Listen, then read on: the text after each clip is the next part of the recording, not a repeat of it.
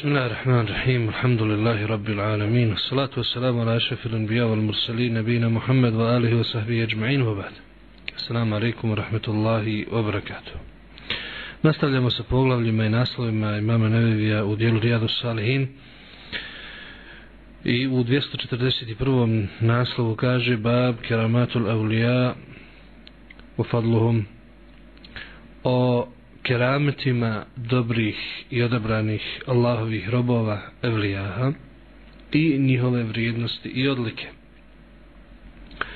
Allah Đelešanu je rekao Ala inna awliya Allahi la haufun alaihim wa la hum jahzanun alladhina amanu wa kanu yattaqun lahum al-bushra fil hayati dunya wa fil akhirah la tabdila li kalimati la dhalika huwa al-fawzu al-azim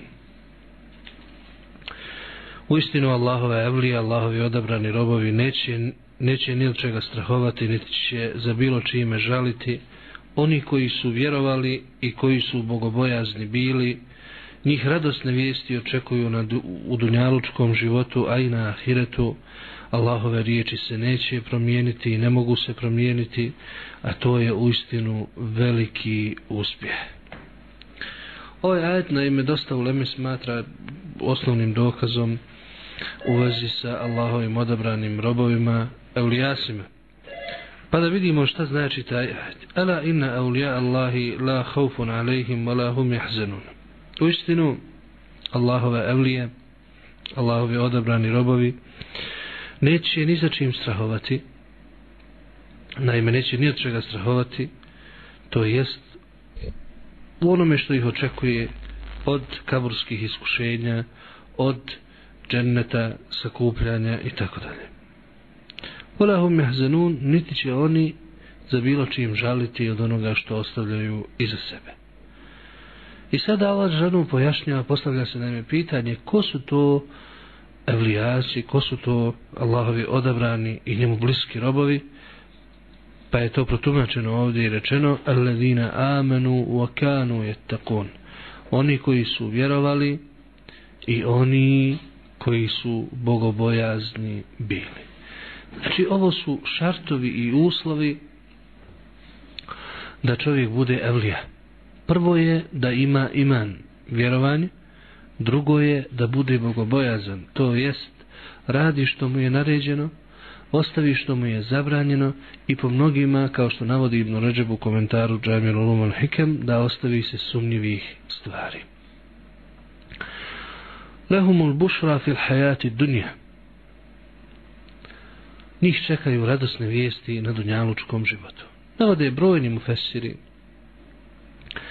da ove radosne vijesti znači dobri i lijepi snovi koji koje će sanjati ti Allahovi odabrani robovi, naročito pred kijametski dan u zadnje vrijeme, kada se sve izopači, kada postane uh, potpuno suprotno od poslanikove sallallahu alejhi ve selleme upute. Međutim, također učenjaci napominju da se ta radosna vijest na ovom dunjalučkom životu ne ograničava samo na to, nego podrazumijeva sve ono što inače sa sobom nosi riječ radosna vijest, ono što raduje čovjeka i čini ga sretnim. Pa je to, kao što smo rekli, lijep san koji čovjek usnije o sebi, ili neko drugi usnije za njega, naime o njemu nešto sanja, nešto lijepo i kaže mu to, to spada u radosne vijesti koje e, kojim će Allah Đelešanu počastiti te svoje odabrane robove, posebno kako smo rekli pred sudnji dan. Drugo, radosna vijest podrazumijeva isto tako radost prilikom činjenja ibadeta e, i žalost prilikom činjenja lošeg djela kao što je to i preneseno u jednom u jednoj predaji men saratu hasanatuhu wa sa'atu sayi'atuhu fa zalika al-mu'min. Ko se raduje svom dobrom djelu a žalost, žalosti se zbog svog lošeg djela to je vjernik. Znači onog momenta kada čovjek osjeti radost e, zbog učinjenog dobrog djela u tom slučaju to je isto tako vid radosne vijesti za tog vjernika. Isto tako kao što bilježi ima muslim kada je upitan o pohvali koju je čovjeku drago čuti, a nije želio, nije sa svojim dijelom želio baš to, pa je poslanik sallallahu alaihi ve sellem rekao da je to radosna vijest koja mu je data, naime požureno je s njom, data mu je prije još na ovome svijetu. Znači, na osnovu toga kažu učenjaci da radosnu vijest ovdje ubraja se i to što Allah Đelešanu da određenim ljudima da pohvali su te, te njegove robove, naravno ukoliko su ti ljudi koji hvale čovjeka dobri i ukoliko su sami oni ukoliko sami oni nose iman i ukoliko su sami oni bogobojasni. A što se tiče riječi i pohvala i pokuda onih koji nemaju imana kod sebe i onih koji nisu bogobojazni, takvi, takvi ne uzimaju se u obzir i nisu uopšte prihvatljivi. Također, od radosne vijesti koja će posebno obradovati vjernika još na ovome svijetu, jeste radost zbog dolaska Meleka prilikom odlaska sa ovoga svijeta kao što Allah Đelešanu je rekao u drugom u, u ajetu e, u abširu bil dženneti leti kuntum tu adun nahnu aulijaukum fil hajati dunja o fil ahira i radujte se džennetu koji vam je obaćan, mi smo vaši zaštitnici i prijatelji na dunjalučkom životu i na ahiretu. Znači, kako kažu učenjaci, mi smo vaši zaštitnici, ovo su riječi Meleka za one koji su rekli naš gospodar je Allah, potom su uh, ispravnim putem hodili i potvrdili tu svoju tvrdnju svojim imanom, riječima i dijelima, meleci će im dolaziti na smrtnim mukama i na tim, u tim trenucima, tješiti ih i olakšavati im te trenutke. Osim toga, još jedna radosna vijest za vjernika u tim kriznim momentima i tim kritičnim trenucima koja je spomenuta u hadisu Allahovog poslanika sallallahu alaihi veseleme u kojem stoji da će meleci reći vjerniku kada mu budu uzimali dušu uh, E, izađi ka Allahovoj milosti i njegovom zadovoljstvu, nakon čega će se ona radovati i veseliti, znači ta duša koja upravo izlazi iz tijela.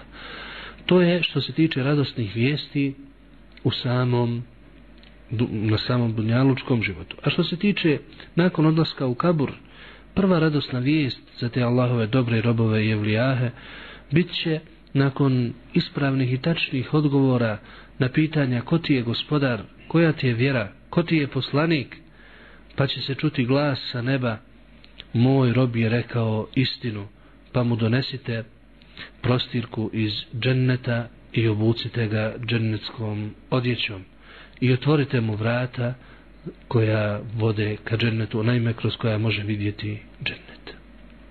Znači, to je radosna vijest koju će Allahov odabrani rob Evlija čuti u kaburu nakon odgovora na pitanje.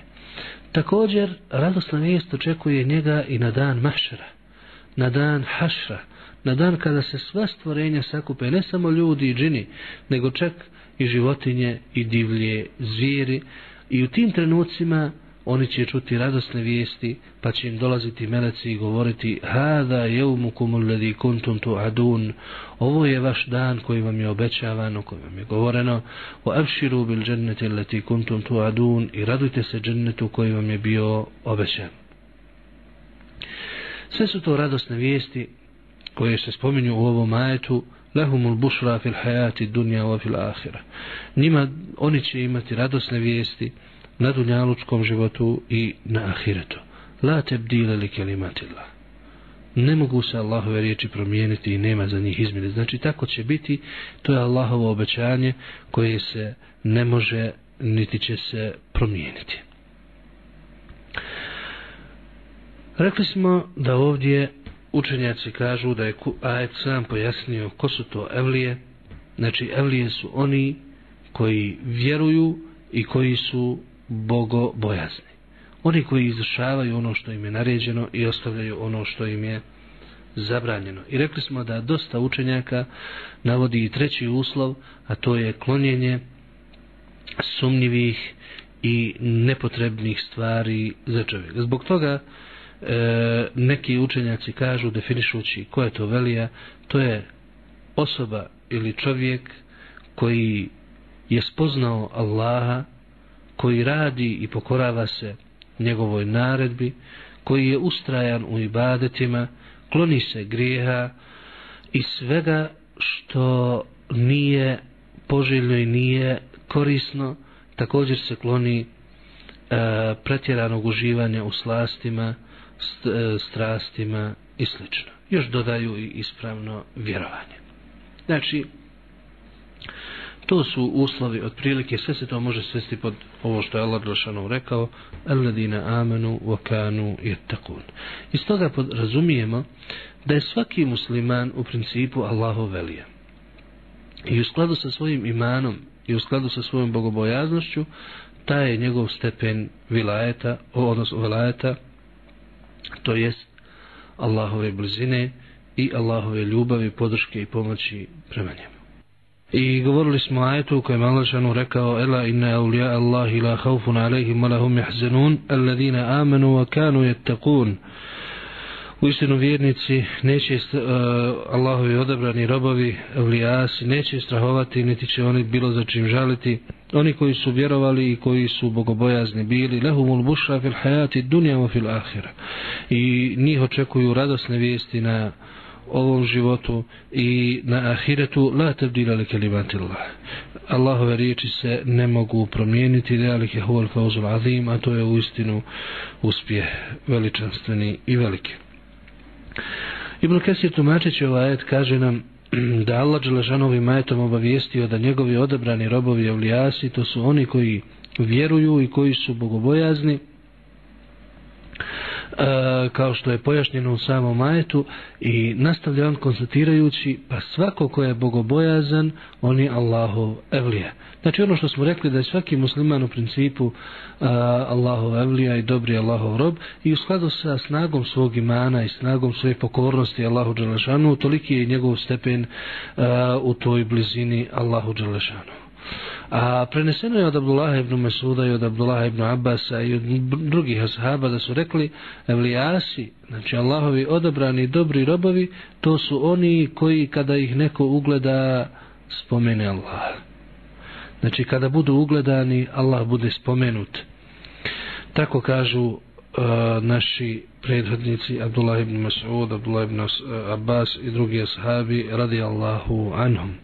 A u drugom ajetu imam nevevi kaže nam da je Allah Đelešanu rekao وَهُزِّي لَيْكِ بِرِذْعِ النَّخْلَةِ تُسَاقِتْ عَلَيْكِ رُتَبًا جَنِيَّ فَكُلِي وَشْرَبِي I ti uzmi i protresi palmu i na tebe će pasti, odnosno pasće sa te palme, pasće svježe hurme. I jedi i pi. Naime, Pa ovdje se govori o Merjemi, o suri Merjem. Ona je u tim porođajnim mukama i porođajnim bolovima udaljila se od svoje porodice i od mjesta gdje je činila i badet prilikom poroda i došla je do jednog mjesta kada više nije mogla izdržati i rekla je da, da Bog do nikad nisam ni postojala i onda je dolazi radosna vijest od Allaha Đelešanuhu, dolazi Melek koji joj govori da se ne žalosti i da se raduje da ispod nje će poteći voda, to je prvi keramet, znači osim pojave Meleka koju je govorio, znači to je poticanje te vode ispod, ispod nje, ispod njenih nogu, je jedan keramet. Drugo rečeno joj je da protrese palmu, kaže učenjaci, to je drugi keramet, jer inače protresti palmu nije lahko. Može se krošnja gore protresti, oni koji su vidjeli palme, slično znaju da je to stablo koje je veoma E, stabilno ponekad zna biti i veliko. I to što je naređeno da protrese palmu i data je snaga koja inače treba u normalnim situacijama grupi snažnih ljudi da protresu na takav način palmu ona je to u tim trenucima u tim bolovima uspjela uraditi što znači da je to bio drugi keramet za nju u tom trenutku. Dalje na, kada potrese to doći će pasti će sa te palme svježe svježe hurme kad mu fasili dosta, dosta njih da u principu to je bilo vrijeme kada hurme nisu bile zrele i nisu trebale uopšte padati i tako dalje ali Allah Đelešanu iz počasti prema njoj kao kerame dao je da te hurme sa te palme budu svježe, zrele i da se mogu da se mogu jesti. Znači sve su to E, stvari koje potvrđuju u istinu postojanje kerameta, a ovaj ajet nosi nam u sebi još nešto, a to je da nema nikakve smetnje da žena postigne stepen velija da bude na tom stepenu Allahu Đelšanu blizak rob i da je Allah Đelšanu počasti raznim tim e, neobičnim događajima kao što vidimo ovdje u slučaju Merijeme alaiha salam. Dalje Imam Nevevi navodi nam e, također slučaj sa Merjemom koji je spomenut u drugoj suri u suri Ali Imran u kojem Alšanu rekao kullama dahala alejha Zakarija al-mihraba wajada indaha rizqa.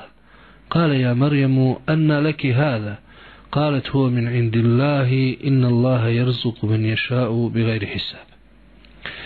Kad god bi Zakarija ušao kod nje u njen mihrab, mihrab ovdje podrazumijeva se mjesto na kojem je ona klanjala.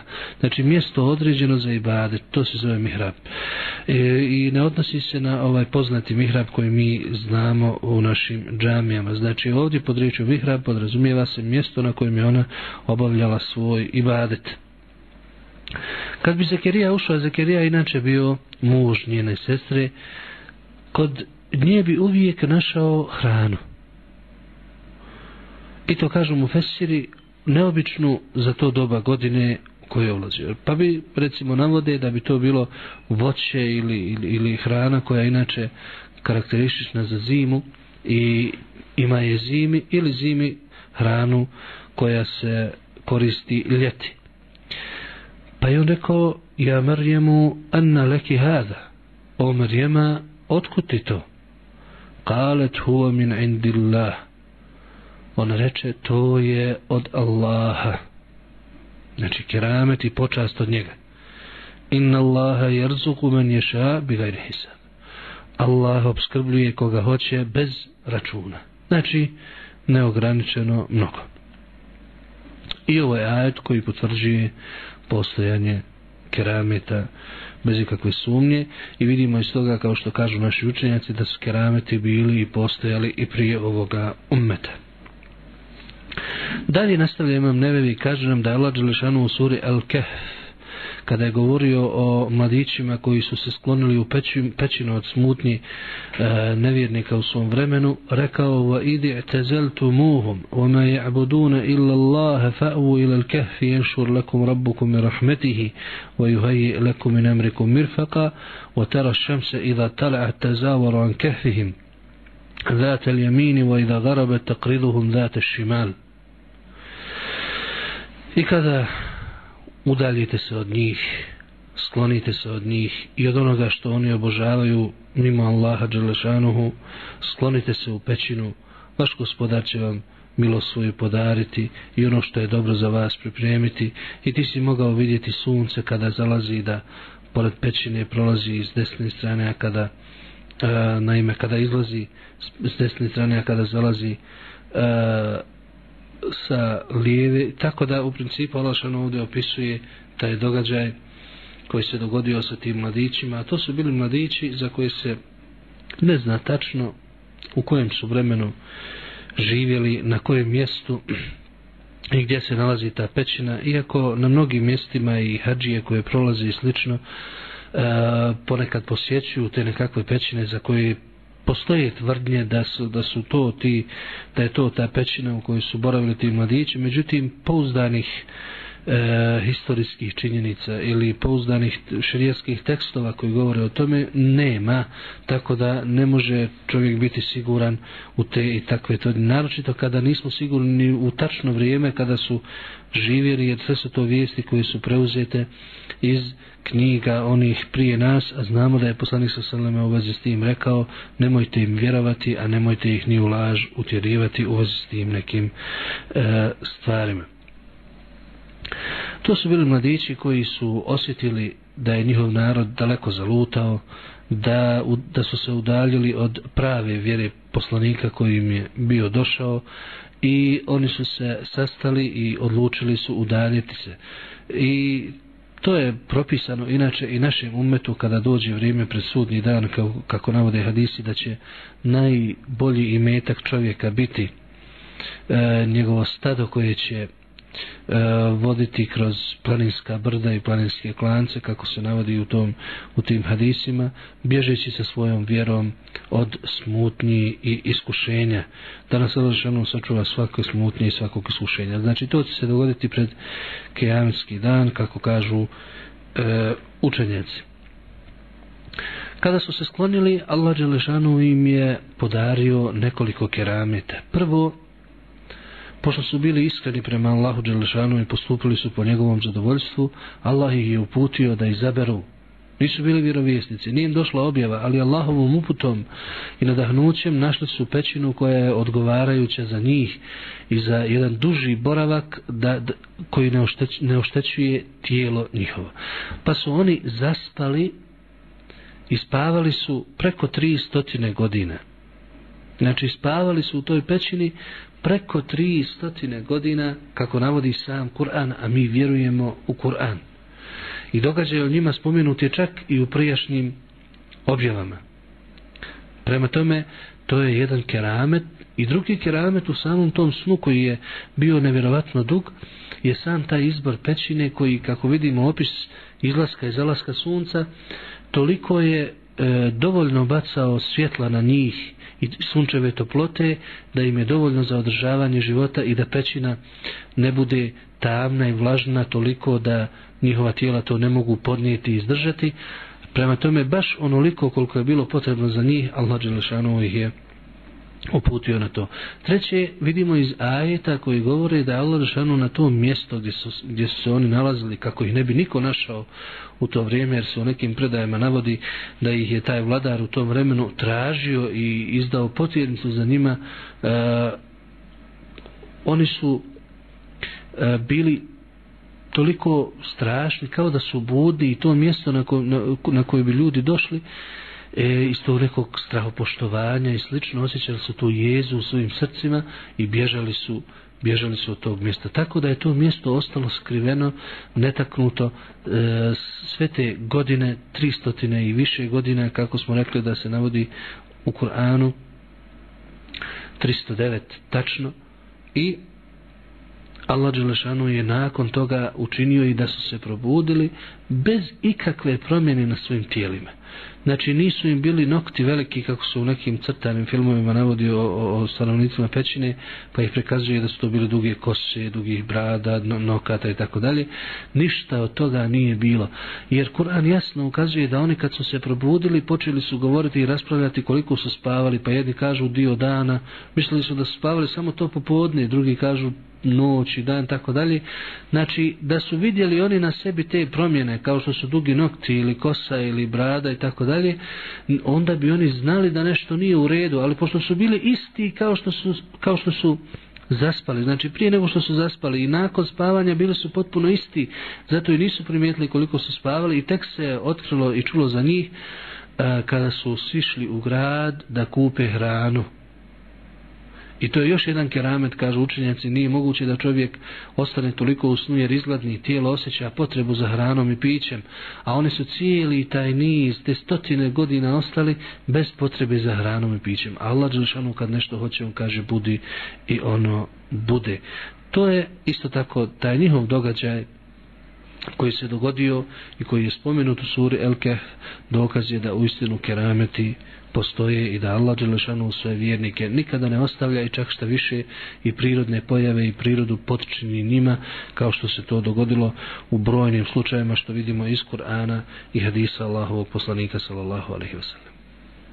Nastavlja imam nevevi dalje i navodi nam prvi hadis o kerametima i počastima Allahovih odabranih robova Elija. Pa kaže nam da je Ebu Muhammed Abdurrahman ibn Abi Bekr as-Siddiq radijallahu anhuma, znači Abdurrahman Ebu Bekrov sin radijallahu anhuma, rekao, naime preneseno je od njega, anna ashabe sufa kanu unasen fukara.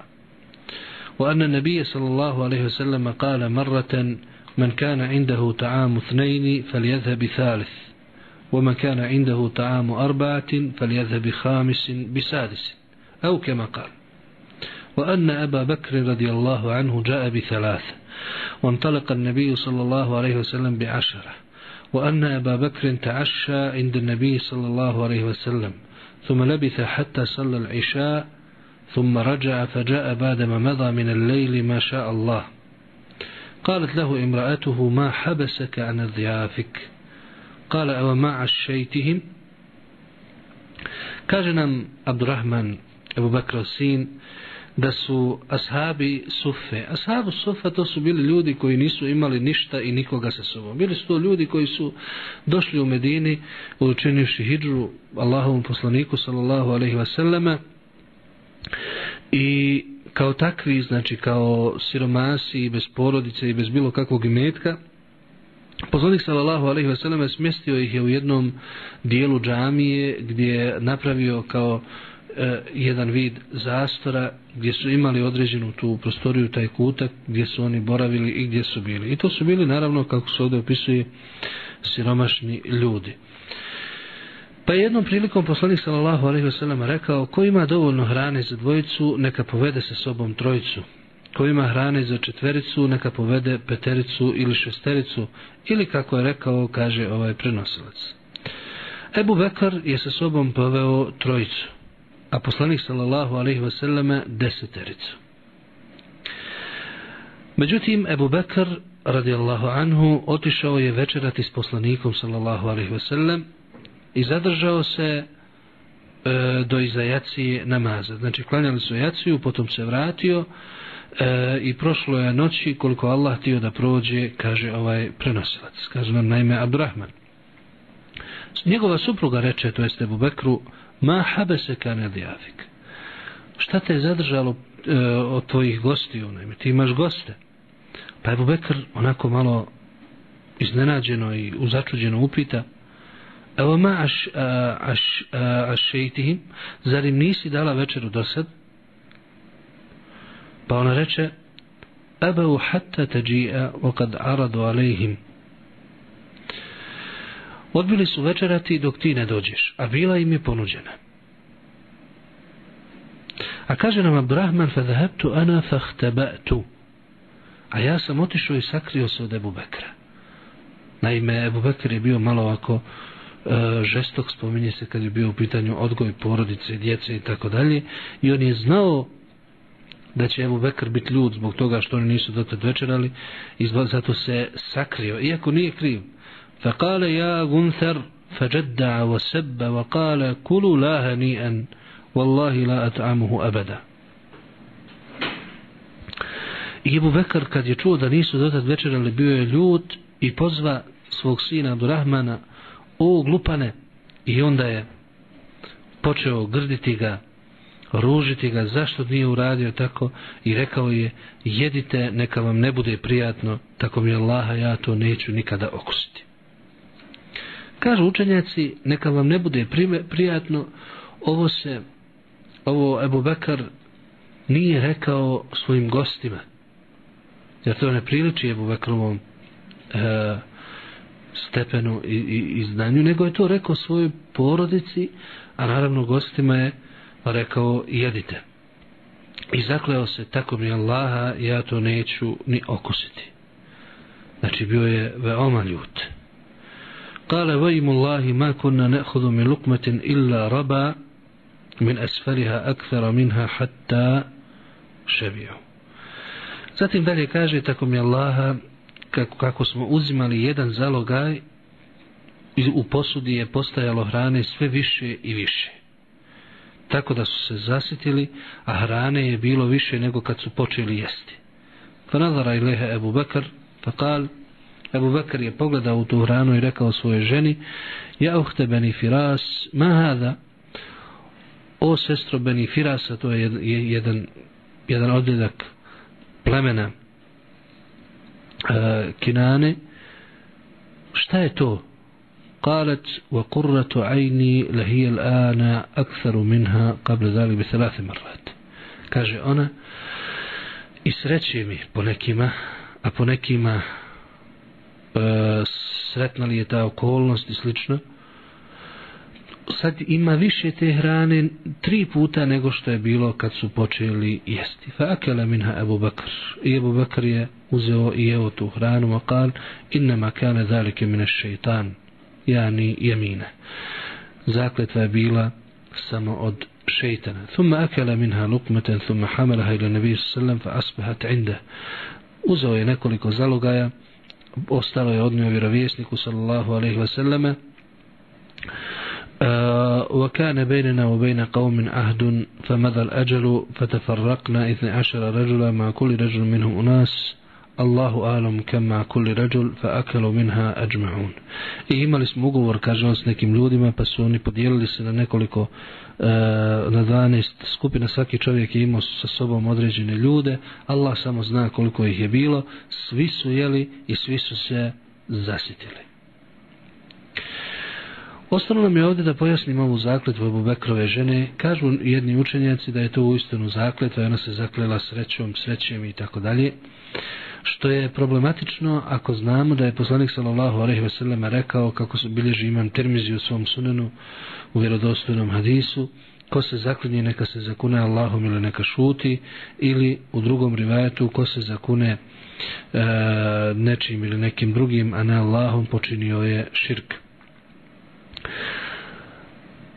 kako onda ovo protumačiti rekli smo da dio uleme smatra da je ovo istinu zakletva. I oni kažu, ako to zakletva, onda to je bilo prije zabrane. Znači, bilo je prije zabrane, jer poznato je da zabrane nisu dolazile sve odjednom. Znači, to što ne spominje se ovdje da je Bubakar reagovao i što ona to rekla, znači, to je bilo prije zabrane, prema tome, e, poslije zabrane, postaje zabrana važeća. Drugo, hadis poslanika, sallallahu alaihi sallam, na kraju krajeva, ima prednost nad postupcima svih drugih. Neki kažu da ovo uopšte nije zakletva, nego je to izraz koji se koristio u to vrijeme, bio poznat na jezicima tadašnjih, tadašnjih Arapa, koji, kojim se izražava čuđenje i sreća i radost kada se dogodi nešto dobro, a Allah Đelešanu najbolje zna u svakom slučaju nema nikakve sumnje da je zaklinjati se bilo čim drugim osim Allahom Đelešanu zabranjeno šta više smatra se širkom. A u drugom revetu ovog hadisa kaže se fa halefa Abu Bakrin la Abu Bakr se zakle da neće okusiti tu hranu. Fa halefet il mar'a la i njegova supruga se zaklela da i ona neće okusiti fa halefa dhajf avil adhijaf ألا يتعمه أو يتعموه حتى يتعمه pa se zakleše i gosti da oni neće okusiti hranu sve dok on ne pođe jesti pa kale Abu Bakrin hadihi mina šeitan i Abu Bakr tada reče to je šeitanska posla znači to što se zakle on pa njego znači sad neće niko da jede kaže Abu Bakr to je šeitanska posla fa da'a bit ta'am. I rekao je da donesu hranu fa akala wa akalu fa jalu la jerfa'una lukmeten illa rabet min esveliha akthara minha. Pa je Abu Bekr jeo i ostali su prisuti znači gosti jeli i kad god bi uzeli jedan zalogaj u posudi bi bilo hrane više nego što je bilo prije tog zalogaja. Pa kale ja uhte beni firas pa Abu Bekr ponovo se obratio svojoj supruzi ma hada šta je ovo? I tako dalje isto kao što je rečeno. U trećem rivajetu koji se spominje u vezi s tim, kaže se da je Bubekar rekao Abdurrahmanu dunake adijafek. Ti u gosti ove goste. Fe inni muntalikul ila nabiju sallam eh, fafrug min qirahum eh, qabla an aji. Ja idem vjerovjesniku sallallahu alaihi wasallama, a ti završi sa ugošćavanjem gostiju prije nego li se vratim. فانطلق عبد الرحمن فأتاهم بما عنده فقال عبد الرحمن je otišao i pripremio im hranu koju su imali rekao im jedite pa kalu ejne rabbu menzilina pa su oni rekli gdje je vlasnik kući da ime gdje je uh, onaj ko nas je doveo pa je on ponovo rekao jedite a oni su rekli ne nećemo i tako dalje ponovo je sve bilo to vratio se i Ebu Bekr je ponovo jeo Ovaj hadis, kažu učenjaci, ukazuje na keramete tako što je hrana koju je Ebu Bekr pripremio svojim gostima umjesto da se smanjuje jelom ona je rasla što je vid jasnog beričeta Ebu Bekra radijallahu anhu. Drugo, ovaj hadis sa sobom nosi druge propise, a između ostalog i propis u vezi sa zakletvom Kažu učenjaci, ako se čovjek zakune da, da, da će nešto uraditi ili da nešto neće uraditi, a u tome ne bude hajra i ne bude dobra, nego hajr bude u nečemu drugom, onda je propisano da on tu zakletvu porekne, a da iskupi se za nju. Iako neki na osnovu ovog hadisa Ebu Bakr radijallahu anhu kažu ukoliko je zakleta bila loša i slično, nije dužan, nije dužan da se iskupi, međutim kažu većina učenjaka da ovaj hadis nije jasan u vezi s tim, jer on uopšte ne govori da li je Ebu Bekr iskupio se za svoju zakletvu ili nije, dok drugi hadisi jasno govore kao što su hadisi poslanika sallallahu alaihi veseleme, tako mi Allaha, kad god vidim da je nešto bolje, a ja se zakleo da ću uraditi drugo, iskupit ću se za svoju zakljetvu i raditi ono što je bolje. Tako nam kaže poslanik sallallahu alaihi wasallam i tako je bolje postupiti. Znači kad se zakunemo znači, da ćemo uraditi nešto, vidimo da je drugo bolje, uradit ćemo ono što je bolje, a iskupit ćemo se za svoju zakljetvu. Allah najbolje zna, ako Bog da, nastavit ćemo sa sljedećim hadisima, inša Allah.